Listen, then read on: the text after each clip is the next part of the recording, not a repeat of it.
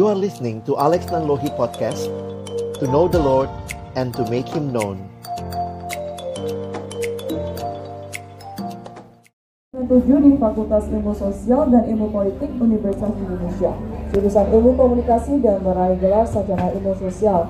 Beliau melanjutkan pendidikannya di Radcliffe College di UK jurusan Misiologi dan meraih gelar Magister Master of Arts pada tahun 2005 Beliau juga telah melayani sebagai koordinator POSA Fakultas Ilmu Sosial dan Ilmu Politik Universitas Indonesia pada tahun 1995 sampai 1996. Beliau juga telah melayani sebagai anggota tim pembimbing siswa Jakarta Pusat dan Timur pada tahun 1995 sampai 1997. Beliau merupakan ketua persekutuan Teruna DPIB Kelapa Gading pada tahun 1996 sampai 2001, pengurus harian nasional Persekutuan Kristen Antar Universitas Koordinator Divisi Pelayanan Siswa Nasional Januari 2007 sampai Juli 2011. Beliau merupakan pemimpin cabang Persekutuan Kristen Antar Universitas Jakarta dari Oktober 2019, 2009 sampai Oktober 2014. Beliau merupakan wakil sekjen Persekutuan Kristen Antar Universitas Nasional dari Juli 2016 sampai sekarang. Sekian dari CV beliau, saya undang Bapak Alex untuk maju ke depan.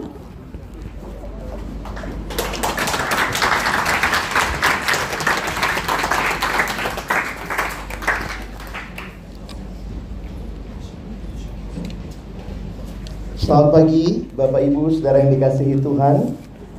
Saya bersyukur buat kesempatan ini Boleh sharing dengan teman-teman sekalian. Dan di dalam sesi yang pertama tadi Rekan saya Ibu Indrawati sudah menyampaikan Bagian tentang tema kita Grace Esteem Saya akan coba membagikan kepada saudara Bagian yang saya siapkan Nanti PowerPoint-nya juga boleh diminta. Tapi kalau ada hal-hal yang overlapping, saya pikir ini karena tema yang sama dan kami akan melihat dari dua perspektif yang berbeda. Kita akan melihat juga bagaimana firman Tuhan boleh memberikan kepada kita pemahaman tentang apa artinya kita hidup di dalam anugerah Allah, ya. Mari kita berdoa sekali lagi sebelum kita melanjutkan sesi ini.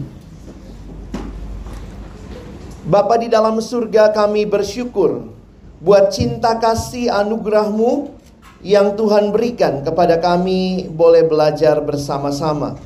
Kembali kami akan membuka firman-Mu ya Tuhan kami mohon bukalah juga hati kami. Jadikanlah hati kami seperti tanah yang baik supaya ketika benih firman Tuhan ditaburkan boleh sungguh-sungguh berakar, bertumbuh, dan juga berbuah nyata di dalam hidup kami. Berkati baik hambamu yang menyampaikan dan setiap kami yang mendengar, Tuhan tolonglah kami semua. Agar kami bukan hanya menjadi pendengar-pendengar firman yang setia, tapi mampukan kami dengan kuasa dari rohmu yang kudus.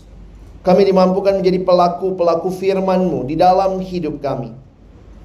Bersabdalah ya Tuhan kami umatmu sedia mendengarnya dalam satu nama yang kudus, nama yang berkuasa, nama Tuhan kami Yesus Kristus.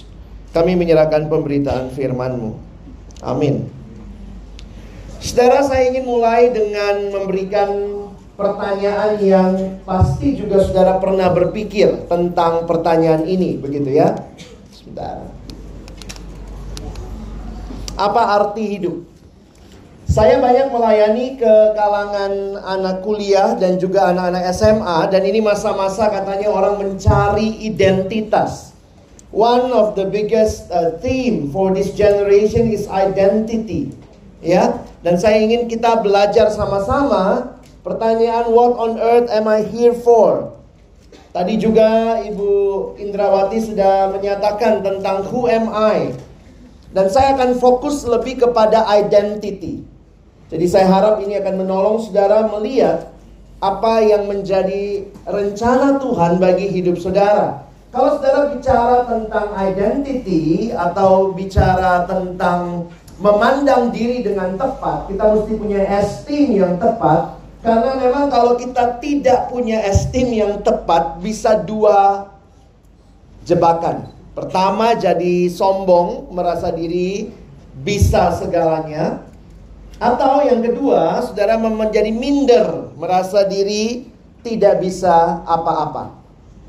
Nah, ini adalah generasi yang katanya mengalami krisis identitas, identity crisis. Dan kalau saudara perhatikan, krisis identitas ini menimbulkan banyak problem. Tadi sudah kita dengar begitu banyak. Dan waktu saya perhatikan, kemarin saya baru membawakan satu sesi tentang isu mental health. Bahkan sejak tahun 92 secara internasional kita punya peringatan untuk hari uh, peringatan mental health begitu ya. Bahwa ini satu hal yang sangat-sangat menjadi concern hari ini karena khususnya generasi yang saudara dan saya ada di dalamnya, kita sedang berada di dalam identity crisis. Ada yang mengatakan dari pertanyaan tadi, who am I? Sebenarnya ada tiga pertanyaan dasar yang saudara harus jawab. Ini gampang diingat, karena kalau kita elaborate kalimat ini, who am I? Siapakah saya? Kita akan bisa mulai dengan pertanyaan pertama. Dari mana saya datang? Ini kalau bicara berkaitan dengan past. Dari mana saya datang? Lalu yang kedua, kita bicara present ngapain saya di sini? Dan nanti yang ketiga kita bicara future, mau ke mana hidup saya? Di dalam banyak ilmu berusaha menjawab pertanyaan-pertanyaan ini. Orang-orang yang belajar politik bilangnya, oh manusia itu makhluk politik. Lihat aja, semua hal-hal yang dia kaitkan, dia hidupi berkaitan dengan politik.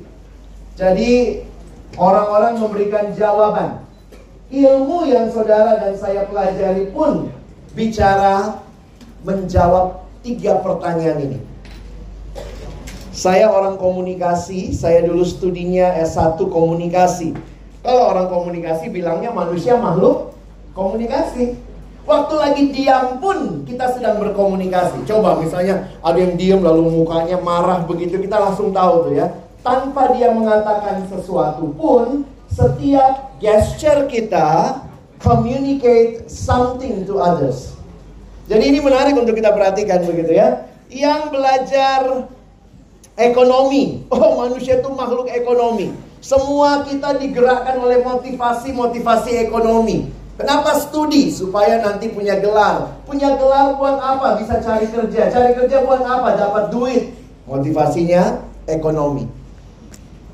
Ada lagi yang bilang, oh tidak, manusia itu cuma orang biologi bilangnya sekumpulan sel, begitu ya. Waduh, kayaknya jadi jauh banget begitu ya. We want to know about ourselves. Karena itu saya ingatkan kepada teman-teman, kalau kamu bisa jawab tiga pertanyaan ini dengan baik, you will survive in your life.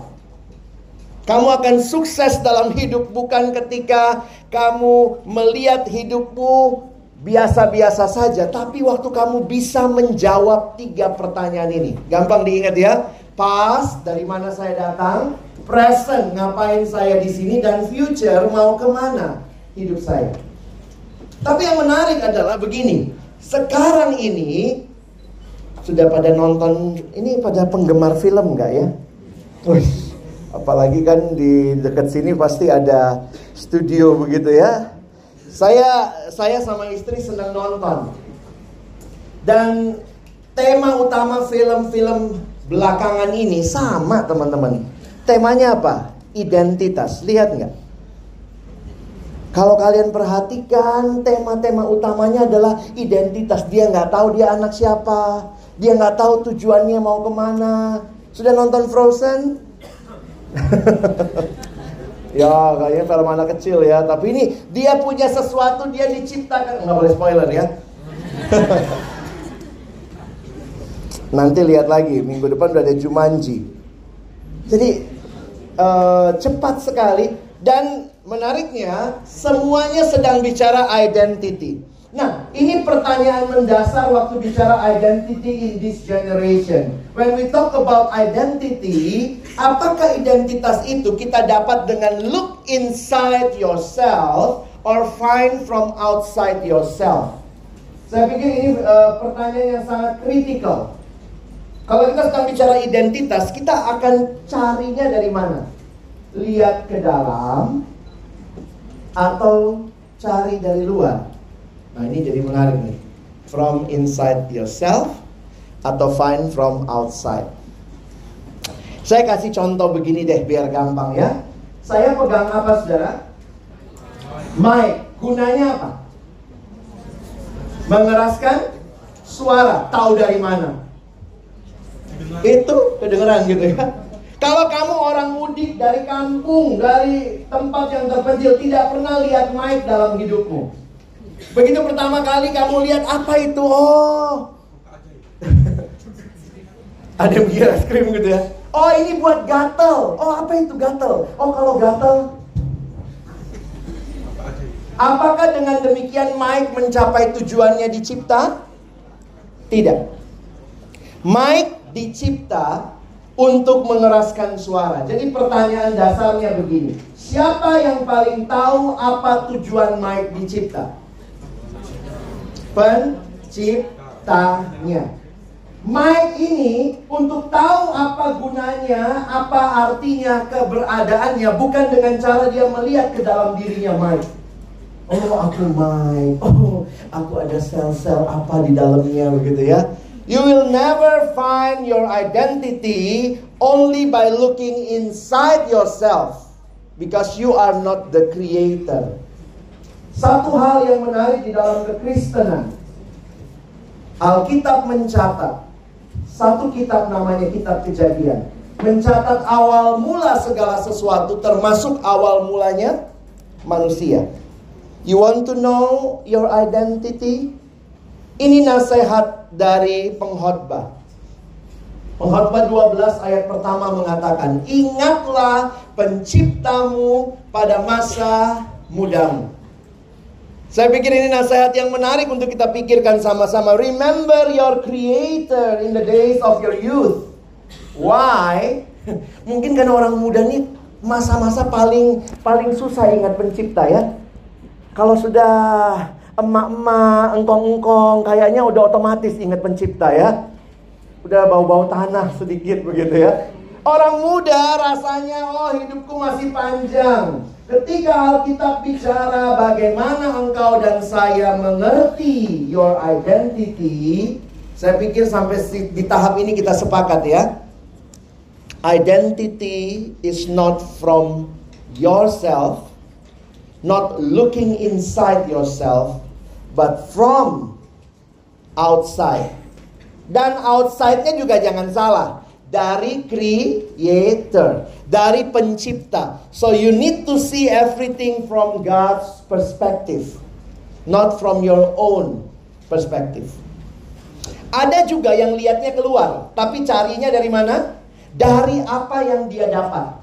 Misalnya, dia punya mobil, dia punya gaji yang besar, dia punya usaha yang maju dan dia bilang, "Oh, saya berhasil." Kenapa? My identity is from what I gain. Tidak. Kalau kita lihat yang pertama dan terutama, kamu dan saya berharga bukan karena apa yang kamu punya. This is grace. Kamu dan saya berharga bukan karena apa yang kamu dan saya punya. Tetapi kamu dan saya berharga karena siapa yang menciptakan kita. Memang culture kita selalu mengkaitkan keberhasilan dengan pencapaian. That is what our culture taught us. Dikasih tahu begini, bahkan orang tua juga bilang begitu ya. Kalau masih kecil, oh belum apa-apa ini belum ada artinya, belum berharga. Kalau anaknya sudah kuliah, udah lulus, baru kemudian mamanya ngomong gini, iya anak saya sekarang sudah jadi orang. Emang tadinya monyet. Why? Culture kita menginfuse kita dengan pemahaman when you get something, when you gain something, then you are someone. No, the Bible said from the beginning, you are someone because God created you so. Tuhan ciptakan saudara dan saya demikian. Karena itu kita berharga. Kita bukan jadi seseorang setelah kita mencapai sesuatu. Karena itu saya suka sedih ya. Khususnya untuk generasi ini yang banyak mendapat identity from outside but not from the one who created you. Kejadian 1 2628. Coba kalau ada Alkitab teman-teman buka ya. Kita baca sama-sama.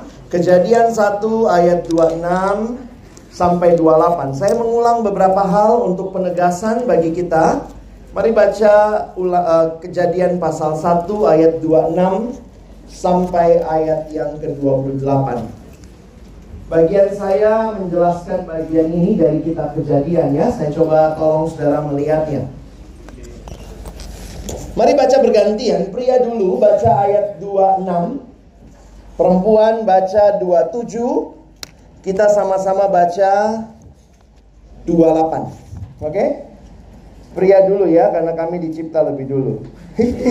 gitu ya. Nggak, nggak, nggak apa-apa. Oke, okay, kita baca dulu pria ya mulai. Satu, dua ya. Berfirmanlah Allah, baiklah kita menjadikan manusia menurut gambar dan rupa kita supaya mereka berkuasa atas ikan-ikan di laut dan burung-burung di udara dan atas ternak dan atas seluruh bumi dan atas segala binatang melata yang merayap di bumi.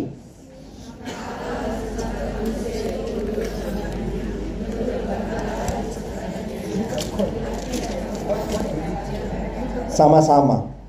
Allah memberkati mereka, lalu Allah berfirman kepada mereka, beranak cuculah dan bertambah banyak, penuhilah bumi dan taklukkanlah itu, Berkuasalah atas ikan-ikan di laut dan burung-burung di udara dan atas segala binatang yang merayap di bumi. Alkitab dari awal sudah bicara manusia bukan hasil evolusi yang panjang, tetapi manusia adalah ciptaan Allah. Percaya nggak kalau kalian misalnya saya bilang gini, e, tadi malam belum ada low mic ini, terus tadi pagi uh, pointer ini ciptain mic ini. Percaya nggak? Gak percaya ya? Mic ini ada yang cipta. Mic begitu bagus ada yang cipta. Kita percaya. Tapi lucu ya, waktu bicara universe yang begitu teratur, begitu punya hukum yang sangat indah, kita bilang nggak ada yang cipta. Kalau komputermu saja ada yang cipta, begitu complicated, tapi begitu synchronize one another. Kenapa ya manusia sulit sekali menerima dia adalah ciptaan? Sebenarnya di balik itu asumsinya satu. Kalau ada yang cipta berarti saya harus bertanggung jawab. Jadi ketika manusia sebenarnya menolak saya ciptaan, menolak dunia ini ada yang cipta, sebenarnya manusia pada dasarnya menolak tanggung jawab. This is my life. Saya tidak butuh orang yang kepadanya saya bertanggung jawab. Tapi Alkitab menyatakan kita ini ciptaan. Karena itu kalau bicara ciptaan, contoh, kalau saya cipta benda ini, maka begitu benda ini dicipta, ini pointer ya. Kalau saya cipta benda ini, begitu benda ini dicipta pertama kali ini punya siapa? Punya yang mencipta. Jangan bilang, tapi kan bisa dijual kok, bisa tahan dulu otak dagangmu. Pokoknya begitu sebuah benda dicipta, ada pemiliknya. Itu menunjukkan kepada kita dalam konsep penciptaan ada konsep kepemi kepemilikan. Berarti ada konsep tanggung jawab. Kalau saudara dan saya manusia yang dicipta oleh Allah, kita milik Allah, maka kita harus bertanggung jawab kepada Allah. Kita adalah hambanya Allah. Kalau saya cipta pointer ini, siapa yang harus pointer ini layani? Penciptanya. Siapa yang harus pointer ini muliakan? Ya penciptanya. Demikian juga dengan manusia. Perhatikan beberapa konsep menarik di dalam penciptaan. Yang pertama saya mau angkat sebentar, apa artinya kita dicipta menurut gambar Allah. Teman-teman pernah lihat gambar ya? Mungkin sekarang modelnya foto. Kalau kalian perhatikan ada lagi dalam bahasa Inggris dia pakai kata image. Ayat yang sama, so God created man in his in his own image. In the image of God, He created them male and female. He created them. Teman-teman, apa sih artinya gambar? Satu waktu saya saya sering pelayanan ke sekolah-sekolah ya. Nah di di sekolah tuh menarik ya. Saya nggak tahu kalau di kampus ya. Di sekolah selain di depan kelas, selain burung garuda ada siapa berdua? presiden sama wakil presiden. Nah, waktu saya pelayanan di sekolah itu, kemudian saya menjelaskan konsep gambar Allah, saya tanya sama mereka.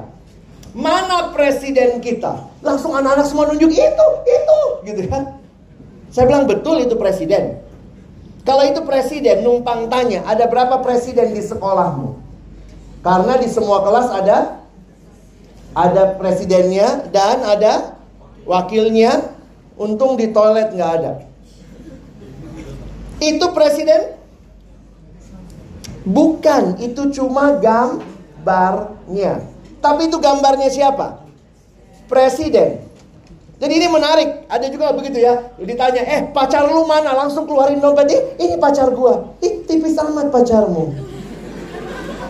Karena itu bukan pacarmu, itu cuma gam gambarnya. Tapi gambarnya mewakili aslinya. Waktu dikatakan manusia gambar Allah, sekarang saya tanya, apakah manusia Allah? No. Tapi manusia pun jangan menyepelekan dirinya karena kamu bukan sembarang gambar. Kamu adalah gambarnya Allah. Kata gambar Allah memberikan kepada kita dua sikap pada saat yang sama. Satu, rendah hati. Kita cuma gambar. Tapi yang kedua, we have dignity. Karena kita bukan sekedar gambar biasa. Kita gambarnya Allah. Jadi kalau sekarang saya lihat gitu ya.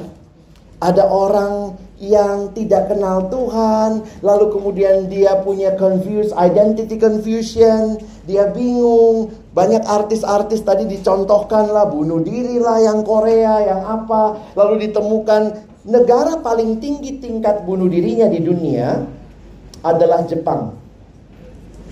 Satu hari bisa 80 tujuan orang bunuh diri. Dan 50% di antaranya anak remaja. Dia lompat dari apartemennya. Iya kalau apartemen dua lantai paling patah-patah ya. Kalau dari lantai dua-dua mati. Ditemukanlah di dalam kamarnya ada surat buat papa mamanya. Papa mama saya tidak tahu lagi untuk apa saya hidup. Papa sibuk, mama sibuk, saya di rumah nggak ada teman, saya nggak berharga, saya nggak berharga, saya nggak ada artinya. Saya bunuh diri saja.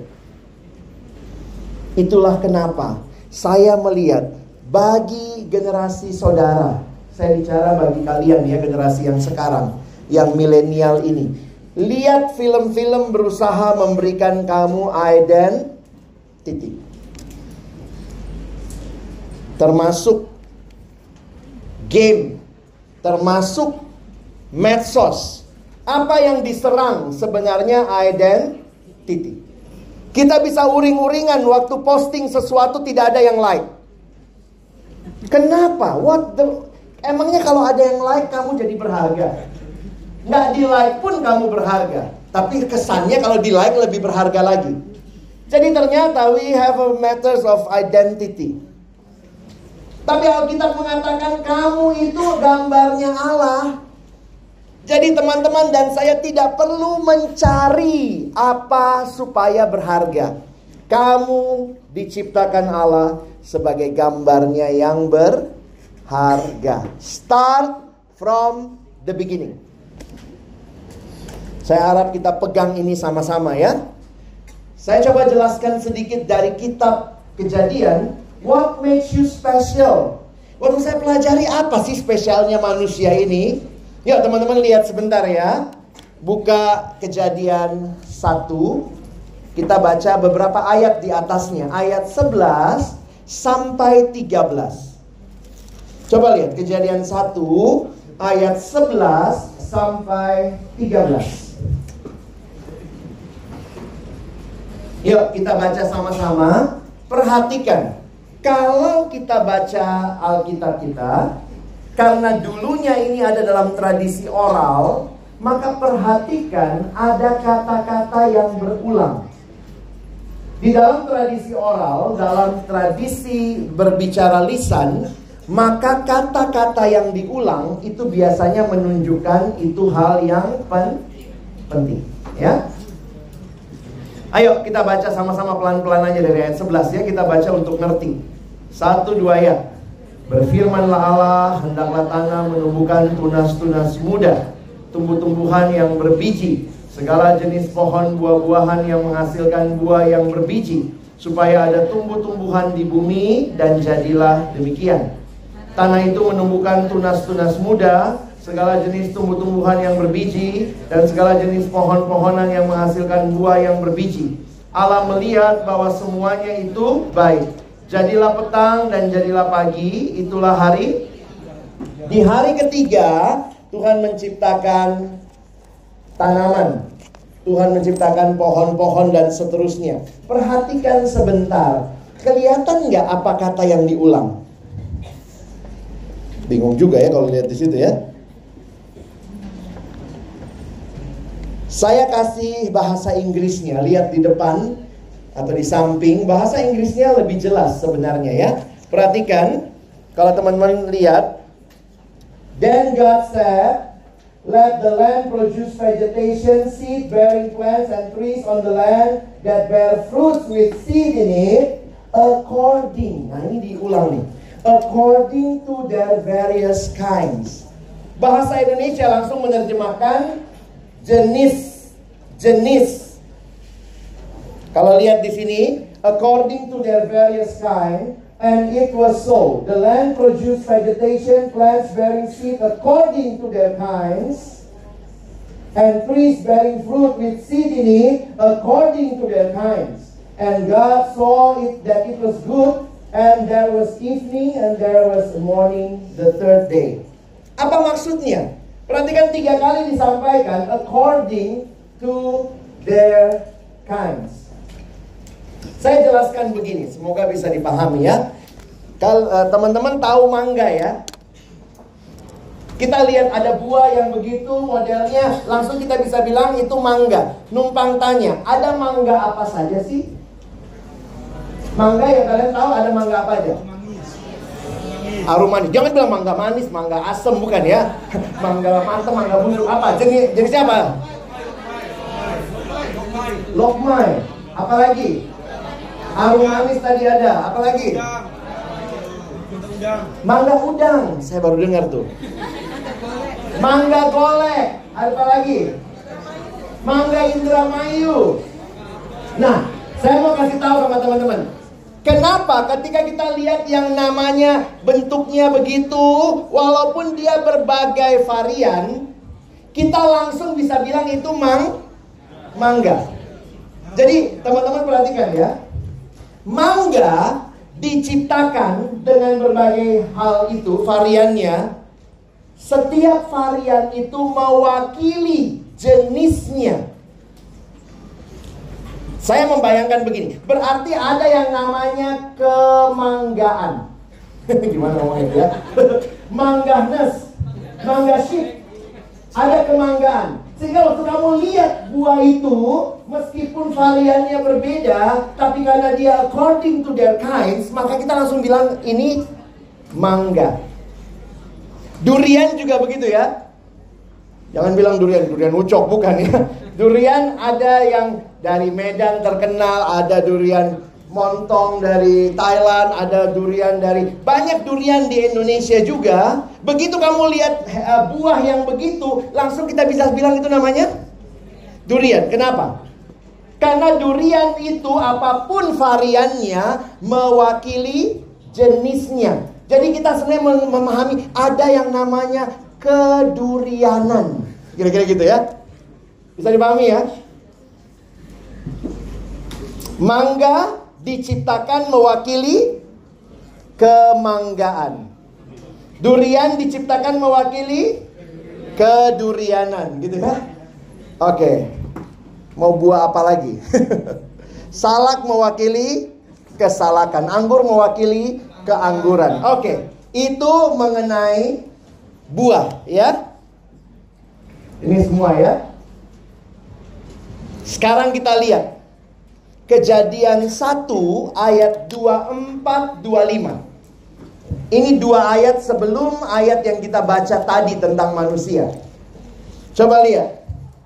Tadi 11 13, sekarang 24 25. Kita baca sama-sama ya. Satu, dua, ya. Berfirmanlah Allah, hendaklah bumi mengeluarkan segala jenis makhluk yang hidup ternak dan binatang melata dan segala jenis binatang liar. Dan jadilah demikian. Allah menjadikan segala jenis binatang liar dan segala jenis ternak dan segala jenis binatang melata di muka bumi. Allah melihat bahwa semuanya itu apa kata yang terulang? Sebenarnya jenis juga ya. Lihat bagian ini dalam bahasa Inggris. And God said, Let the land produce living creatures according to their kinds, livestock, creatures that move along the ground, and wild animal, each according to its kind. And it was so. God made the wild animal according to their kinds, the livestock according to their kinds, and all the creatures that move along the grounds according to their kinds. And God saw that it was good. Pernah lihat gajah di mana aja di dunia? Thailand, Afrika, India, Lampung, gajah Sumatera ya. Saudara begitu-begitu pulau saudara punya gajah. Nah, begitu kamu lihat gajah di mana pun dia variannya juga agak-agak beda. Tapi kalau lihat benda apa hewan yang berbelalai begitu kita langsung bilang itu namanya gajah. Jadi gajah itu diciptakan mewakili kegajahan. Nah, you got my point. Ada monyet di mana aja? Jangan bilang ini di sini. Kurang ajar banget kamu ya. Itu manusia yoi. Monyet ada di mana-mana ya, di Medan ada, di Sulawesi ada. Monyet diciptakan mewakili kemonyetan. Anjing mewakili, semut mewakili Sebutan udah mulai gila ya. Tapi dengar, this is my point. When God created man, manusia tidak diciptakan mewakili kemanusiaan. Langsung di dalam ayat 26. Ini tadi ini ayat 24 25 ya. Di ayat 11 13 itu tentang tumbuhan. Tumbuhan diciptakan mewakili jenisnya. Hewan diciptakan mewakili jenisnya. Ketika Allah menciptakan manusia, manusia tidak diciptakan mewakili kemanusiaan. No. Alkitab mengatakan kita diciptakan menjadi gambar Allah. Berarti siapa yang saudara dan saya wakili? Allah. Kenapa kekristenan menolak berhala? Ketika ada hal lain yang diciptakan menggambarkan Allah, ingat yang kamu sedang yang kamu sedang nista bukan cuma Allah tapi dirimu sendiri karena engkaulah yang dipilih Allah menggambarkan dia.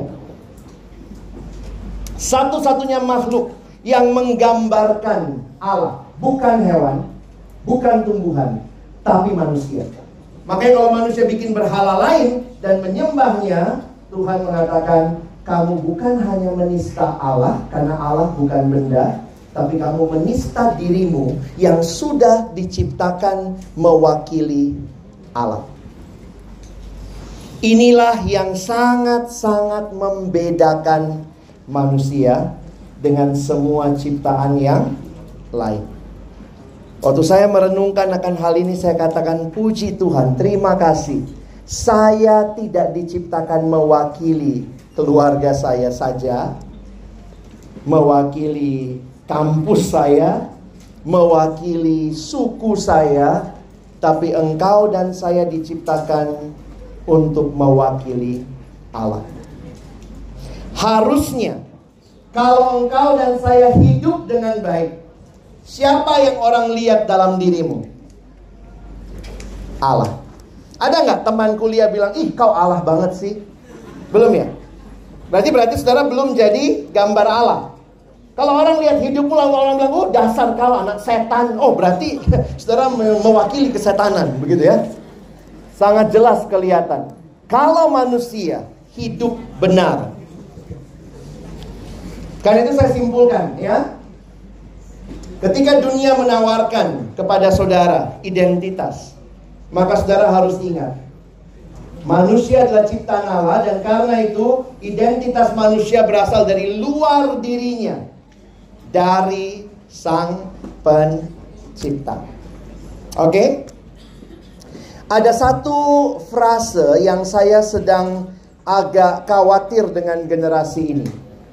Ini frasenya. Follow your heart. Ikutin aja kata hatimu gitu ya. Kalau kamu rasanya mau jadi gay, ya udah ikutin aja kata hatimu. Kalau kamu rasanya uh, mau berontak sama orang tua, ikutin aja. Just follow your heart. Kalau betul jargon ini, maka di balik itu sebenarnya ada keindependenan manusia. Saya tidak butuh Allah. I need to just follow my heart. But kalau saya ini yang tadi ya, kalau saya ciptaan, maka harusnya bukan itu. Kita harus follow God's word. Aduh, saya pengen banget nyolong. Follow your heart? No way. Meskipun saya pengen sekali nyolong, tapi saya tahu Tuhan tidak mau maka saya harus menyangkali keinginan saya. Do not only follow your heart. That is not part of the identity the Bible is talking about. Kalau kita mau bicara identitas, maka ingatlah, not look inside yourself,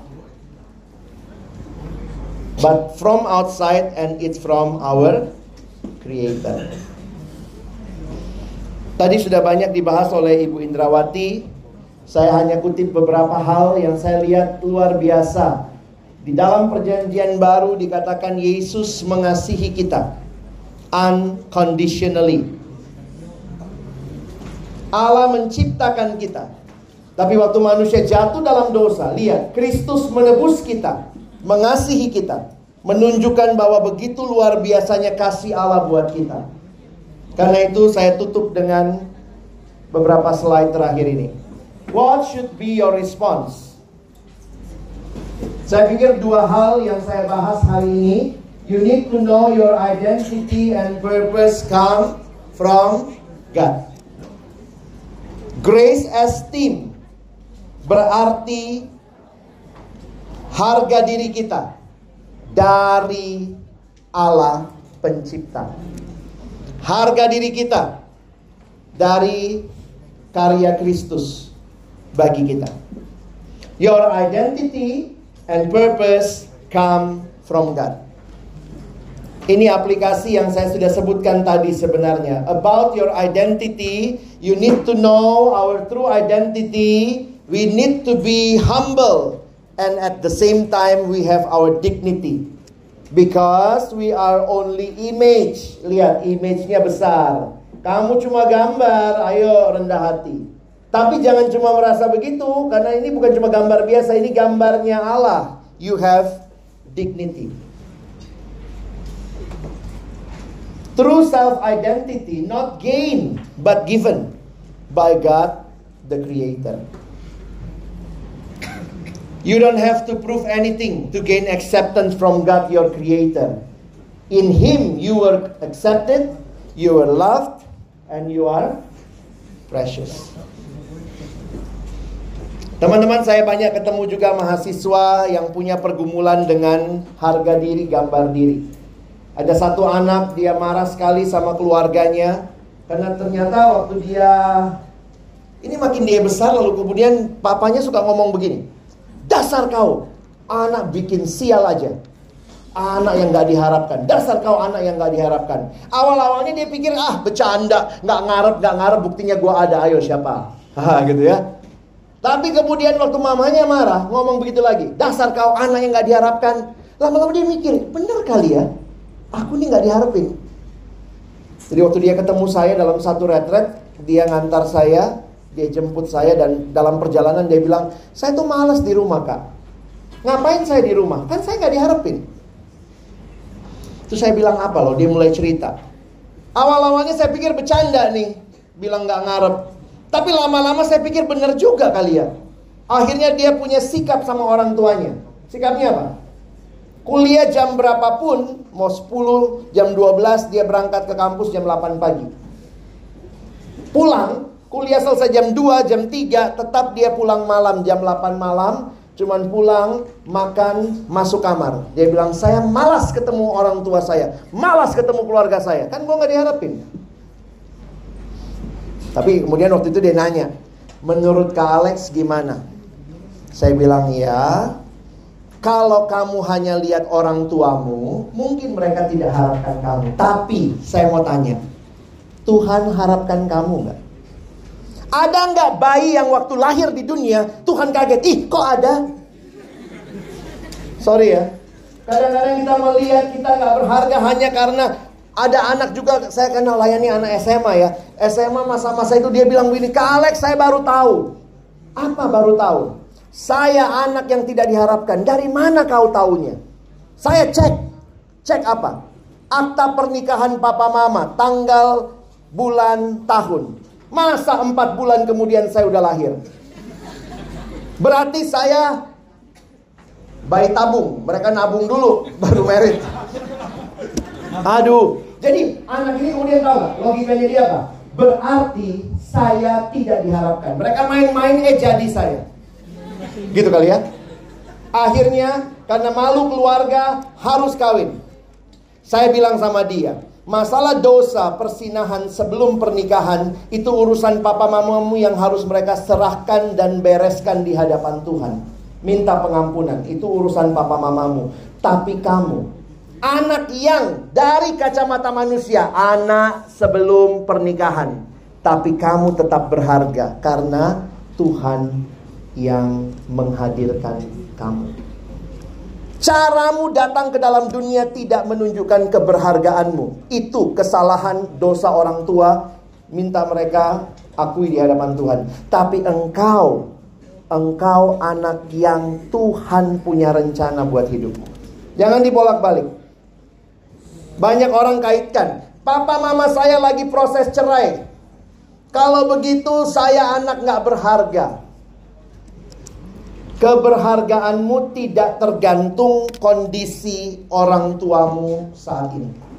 Kamu berharga, kamu unik, kamu precious to God. Dan Tuhan mau, kalau kamu lihat keluargamu seperti itu, maka jangan ulangi. Mari cari pasangan hidup yang baik, doa sungguh-sungguh, bangun keluarga yang memuliakan Tuhan. Kamu unik. Apa bedanya unik sama langka? Ayo, kalau langka itu kan tidak ada lagi yang keluaran begitu. Kalian punya pulpen nggak? Siapa yang punya pulpen angkat tangan? Semua punya pulpen ya? Pulpennya diangkat coba.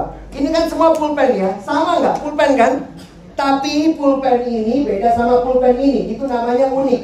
Unik itu dari hal yang sama, tapi setiap hal berbeda.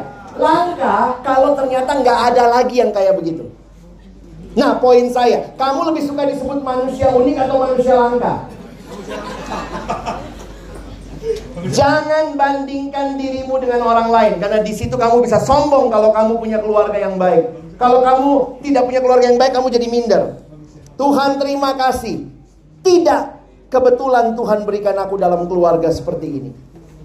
Sometimes Tuhan mungkin tidak ubah kondisi keluarga kita. Sedih, menyakitkan. Tapi ternyata mungkin Tuhan sedang mengubah engkau. Itu yang Tuhan sedang kerjakan bagi hidupmu. Lihat Yesaya 43, kita baca sama-sama ya. Ini ayat buat orang Israel, tapi saya yakin ini juga Tuhan berikan bagi kita. Satu dua ya.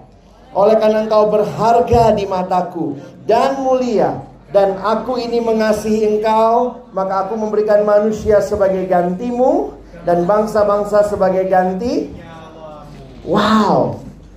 Kamu berharga, mulia. Siapa yang bilang ini? Tuhan pencipta. Lihat lagi ayat ini. Satu dua ya. Semua orang yang disebutkan dengan namaku, yang ciptakan untuk kemuliaanku, yang kubentuk dan yang juga satu waktu ada satu anak datang sama saya, anak SMA ya. Dia dari sekolah, dia panggil saya, kok Alex? Saya dibilang jelek kok. Saya perhatikan memang jelek. Mau gimana ya? Itu kan jadi waktu saya perhatikan dia begitu, iya sih memang secara tampang jelek gitu ya. Terus saya bilang, terus kamu gimana? Habis saya dibully terus sama teman-teman, gue dibilang jelek. Saya bilang sama dia, tapi kan kamu tetap berharga. Puji Tuhan ya ayatnya. Bukan karena engkau ganteng dan cantik di mataku. Kalau ayatnya begitu, banyak kita nggak masuk kategori ya. Puji Tuhan ayatnya, ada yang lebih mendasar daripada bentuk fisik. You are precious in my sight. Saya bilang sama dia, saya tunjukin ya. Teman-teman ini apa? Duit. Hmm, duit, duit ayo bangun semua. Ini apa? Uang, uang. Uang ya. Harganya berapa nih? Seratus ribu. Dikasih mau nggak? Eh, matre. Dikasih mau ya? Seratus ribu nih ya? Siapa yang bilang ini 100 ribu? Angkat tangan. Betul, langsung jawab ya. Pemerintah ya. Yang bilang ini 100 ribu memang bukan kita. Kita pun sepakat hari ini. Ini 300 ribu. Kita sepakat di ruang 601, 602 UPH menyepakati ini 300 ribu. Kalau turun ke bawah belanja tetap 100 ribu. Jangan bodoh. Ini 100 ribu. Karena siapa bilang 100 ribu?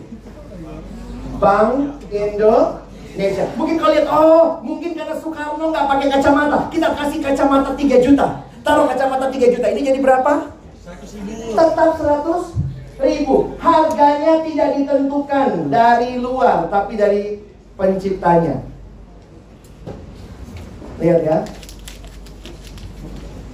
ini berapa Hah? Seratus ribu, udah koyak nih. Udah, nih, seratus ribu. Dikasih masih mau? Tuhan masih matre. Harganya berubah nggak? Enggak ya. Ini ya.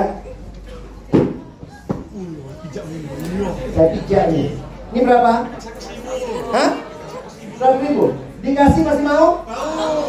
Tuhan masih materai. Bu, tambah tiga hari seminar, Bu. Ini materai semua. Kenapa ini tetap 100 ribu? Karena penciptanya bilang ini 100 ribu. Tidak peduli bentuknya kayak apa. Kadang-kadang kita lihat diri kita anak remaja kalau di saya layani di SMA gitu ya, dia lihat tampangnya di depan cermin, mulai terjadi penyesalan. Tuhan serius gak sih nyiptain aku? Yang mana hidung Tuhan, yang mana hidung? Masa mukaku hidung semua? gitu kali ya. Saya ingin ingatkan adik-adikku, teman-temanku semua. You are precious not because other people say you are, but because your creator. Kamu berharga. Kamu mulia. Harga dirimu bukan dari keluargamu, bukan dari pendidikanmu, bukan dari status sosialmu. Nanti kalau kerja bukan dari kerjamu apa, tapi dari penciptamu. Dan terakhir, kalau identity from God, maka purpose juga dari Tuhan. Maka hidup yang paling indah bukan hidup mencapai apa yang saya mau tapi hidup yang paling indah, hidup yang mencapai apa yang Tuhan penciptaku mau. Lihat tadi dikatakan, God bless them and said to them, be fruitful, increase, dan seterusnya. Saya mau tutup dengan pemahaman ini ya. Kadang-kadang kita lupa sebagai ciptaan, kita pikir kita ownernya. No, You and I, we are not the owner of our life. Kita itu tidak menjadi pemilik. Harusnya kita menjadi steward.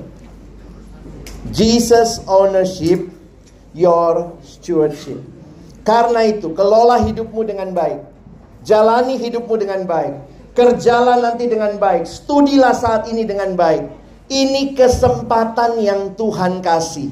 You are not the owner. Dan karena ini Allah pemiliknya, kamu pelaksananya atau bahasa teologianya penata layan. Maka kalau begitu, all of your life, your identity from God and your purpose is to glorify God forever. Saya harap ini boleh menolong teman-teman memahami your identity in Jesus. Amin. Thank you. Terima kasih Bapak Alexander untuk informasi yang memberikan. Tentunya semoga dapat bermanfaat untuk semua peserta seminar yang datang pada hari ini. Jadi pada hari ini sekalian, sekiranya ada yang ingin bertanya, sekali lagi kami persilakan untuk bertanya di slido.com dengan menggunakan kode yang tertera di depan. Dengan ini marilah kita memulai sesi tanya jawab. Kami mengundang Bapak Alexander dan Ibu Insinyur Indrawati Sitepu untuk maju ke depan.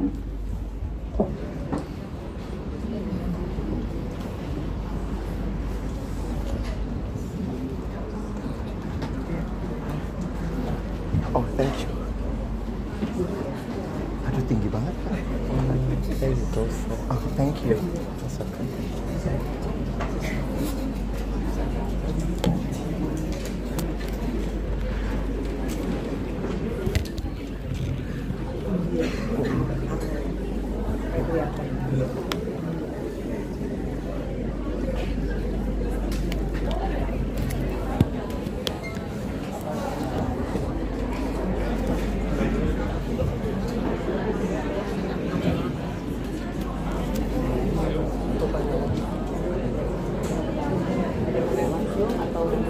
Mungkin dari para hadirin sekalian ada yang mau bertanya langsung, kami juga persilakan untuk mengangkat tangan dan bertanya langsung di tempat dan panitia kita akan mengambil mic untuk kalian.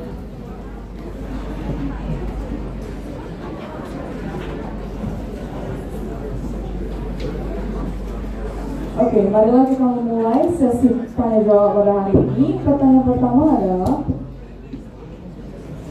Bagaimana jika kita sudah menganggap grace itu hal yang umum dan biasa? Bagaimana cara mengembalikannya? Mungkin dari Bapak Alex atau Ibu Indrawati. Iya, jadi sebagaimana tadi ya sudah kita dengar di uh, baik yang sesi 1 juga sesi 2 ya. Uh, memang bicara tentang grace, kasih karunia itu itu kalimat atau istilah yang barangkali sudah sering kita dengar juga barangkali di kelas-kelas ya. Kalau saya dengar dari Pak Dani sering sekali juga itu sudah dibahas gitu tentang grace. Tapi memang itu salah satu masalahnya kalau grace atau kasih karunia itu udah sering banget gitu ya kita dengar gitu ya. Jadi kayaknya kadang-kadang tuh biasa aja gitu. Terus kayaknya udahlah udah tahu gitu. Udahlah udah ngerti. Nah itu memang salah satu tantangannya. Nah tetapi kalau kita renungkan baik-baik dari sesi 1 dan sesi 2 tadi menjadi pertanyaan apakah iya ya? Bener nih kita udah tahu, udah ngerti, udah pahami dan lebih dalam lagi udah alami. Apa itu grace. Karena memang tahu grace beda dengan memahami dan mengalami grace itu. Nah, kalau kita sudah mulai memahami dan mengalaminya, sejatinya pengertian grace itu tiap-tiap hari diperbaharui gitu. Tiap-tiap hari kita makin terkagum-kagum akan kasih karunia Allah. Gitu. Jadi kalau buat kita itu biasa aja, mungkin salah satu kita perlu cek.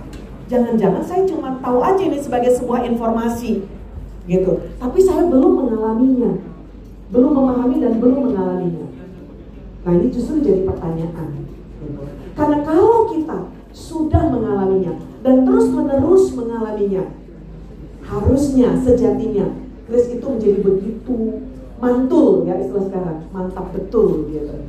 Ya, barangkali Pak Alex kalau uh, saya menambahkan uh, aja. Ini kenapa feedback ya? Tolong dikecilin dikit. Uh, apa bedanya informasi sama relasi? Ada dua hal yang perlu kita pahami. Ada yang namanya informasi ada yang namanya relasi. Kalau informasi saya kasih contoh begini. Saudara pilih dari dua kalimat ini mana yang saudara lebih suka.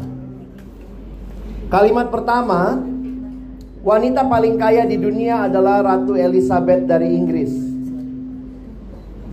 Kalimat kedua, wanita paling kaya di dunia adalah Ratu Elizabeth dari Inggris dan dia memberikan semua kekayaannya kepada saya.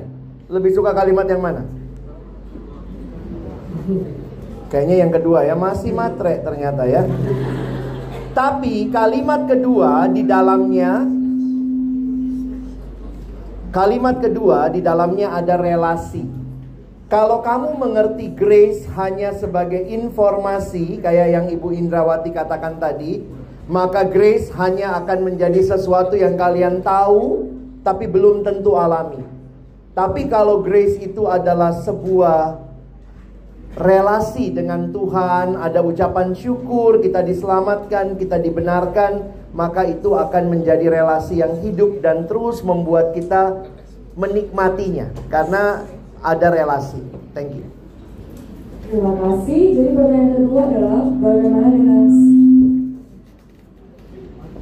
bagaimana cara kita bilang ke orang tua kalau pengajaran orang tua salah di hadapan Tuhan. Soalnya pengajaran orang tua tentang ajaran citra diri bisa salah Bapak Alex bisa. Iya. Uh, saya rasa lagi-lagi ini menyambung ya, sangat bersyukur tadi sesi 1, sesi 2 jadi saling melengkapi ya untuk kita bicara citra diri dan identiti ya. Jadi tadi sudah digambarkan kepada kita, sudah dijelaskan ada citra diri yang negatif, ada citra diri yang positif. Citra diri yang positif itu yang berasal dari pencipta kita tentunya, yang dibangun dari orang yang menciptakan kita kenapa kita ada dan lahir di dunia ini. Nah tetapi di sisi lain memang kita juga sadar ada orang tua, ada lingkungan, ada teman-teman bahkan diri kita sendiri yang sangat mungkin punya pandangan atau citra diri yang bertentangan dengan apa yang dirancang oleh sang pencipta. Nah oleh sebab itu menurut saya jika ada orang tua kita yang memberikan pengajaran yang salah atau menyimpang dari kebenaran firman Tuhan, ya kita beritahu. Tapi ingat loh, beritahunya dengan cara yang sopan. Ya, tetap dia adalah orang tua kita. Jadi jangan karena kita rasa itu salah lalu kita merendahkan orang tua kita karena firman Tuhan juga bilang hormatilah ayahmu dan ibumu. Tidak berarti bahwa orang tua kita itu tidak pernah salah. Orang tua kita mungkin saja salah gitu. Tetapi dalam hal ini kita memberitahu kepada mereka dengan cara yang sopan, dengan cara yang benar. Saya biasanya nih ya, kalau saya mau memberitahu kepada orang lebih tua dari saya, misalnya apa itu orang tua saya, apakah itu abang saya, kakak saya, eh, tentu awalnya didoakan dulu, didoakan dulu. Yang kedua, kadang saya kasih hadiah ulang tahun buku, gitu. Pokoknya ada aja cara saya kasih buku. Dari buku itu saya berharap dia dapatkan pengajaran yang benar gitu. Jadi ada yang diucapkan secara langsung, ada lewat buku, atau ada kadang kirim video, kirim uh, kalimat atau cerita apa gitu. Lewat itu saya berharap bisa memberi pencerahan bagi orang tua atau orang lebih tua dari kita tentang kebenaran. Cukup. Tadi Bapak Alex. Pertanyaan selanjutnya adalah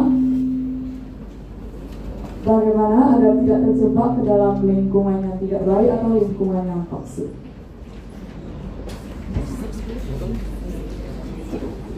Saya melihat eh, kadang-kadang orang berpikirnya begini ya.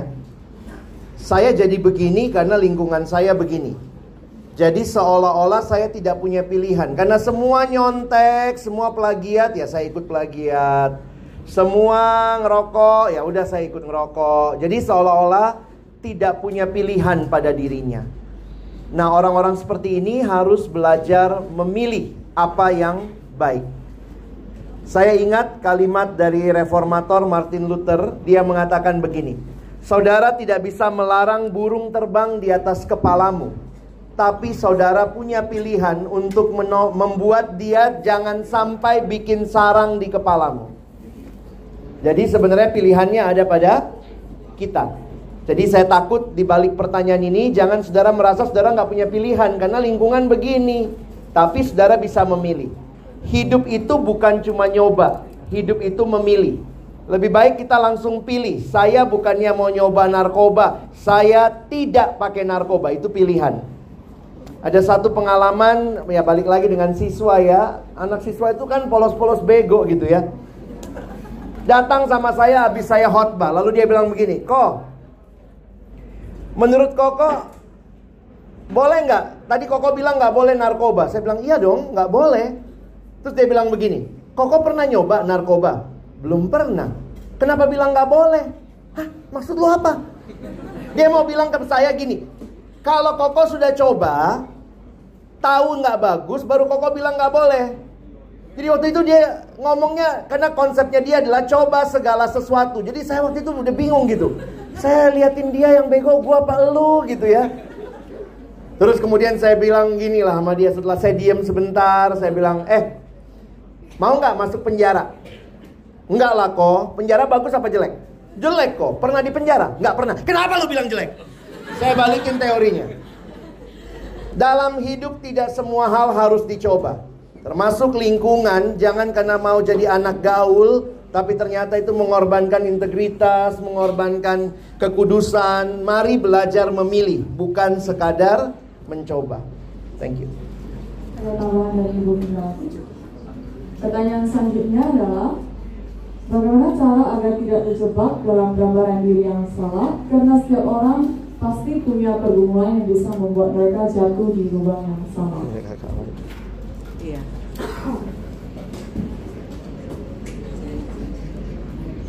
Agar tidak terjebak dalam gambaran diri yang salah, gitu ya. Nah, tadi kita sudah belajar ya, sudah belajar ada gambaran diri yang salah, ada gambaran diri yang benar. Kembali lagi, kita yang milih dalam anugerah Allah tentunya. Kan tadi kita sudah belajar bahwa sebenarnya siapa kita, kenapa kita ada di dunia ini, dan untuk apa kita ada di dunia ini, itu yang nentuin siapa? Kita atau creator? Creator, ya kan? Pencipta kita lah yang tahu. Oleh sebab itu, kalau kita punya gambaran diri kita itu salah atau benar, lagi-lagi cerminnya adalah apa kata pencipta.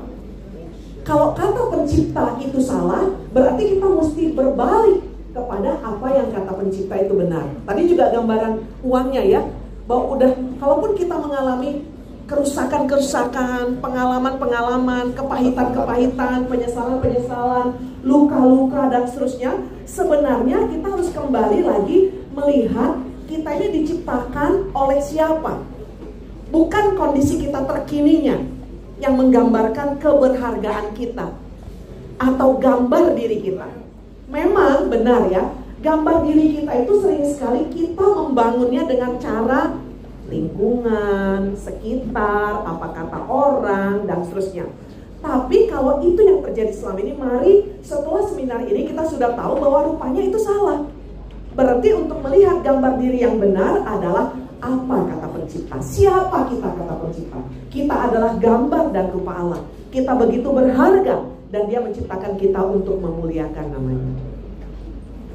Terima kasih. Pertanyaan terakhir untuk sesi tanya jawab hari ini. Bukankah bijaksana dan tegas lebih penting daripada kasih?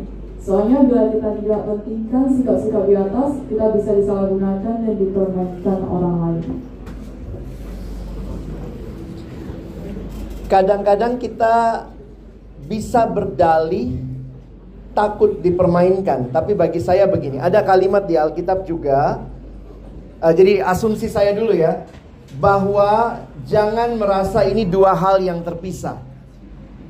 Tegas, kasih harusnya bisa berjalan bersama-sama. Seperti rel kereta, ada dua, bisa berjalan bersama-sama. Jadi saya tidak terlalu setuju kalau dikatakan yang satu lebih penting daripada yang lain. Di situlah kita butuh hikmat dari Tuhan. Nah, sering kali yang kita lupa, Alkitab juga mengatakan hendaklah kamu tulus seperti merpati, cerdik seperti ular. Kadang-kadang karena kita mengasihi berlebihan, tidak cerdik, kasih kita dipermainkan orang. Nah, itu yang mungkin kalian ketakutan, jangan sampai kasihnya dipermainkan. Tapi di sisi yang lain, saya pikir ini bukan hal yang bertentangan, tapi bisa terjadi bersama-sama.